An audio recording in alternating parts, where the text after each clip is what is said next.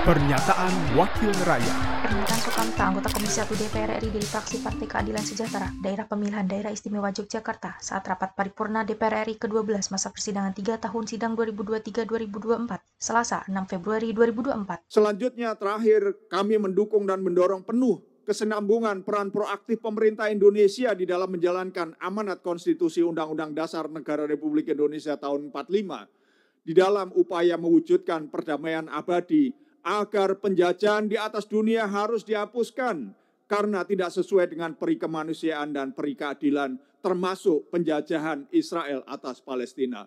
Demikian, terima kasih. Pernyataan Sukamta, anggota Komisi 1 DPR RI dari fraksi Partai Keadilan Sejahtera, Daerah Pemilihan Daerah Istimewa Yogyakarta, Produksi Televisi dan Radio Parlemen, Biro Pemberitaan Parlemen, Sekjen DPR RI. Pernyataan Wakil Rakyat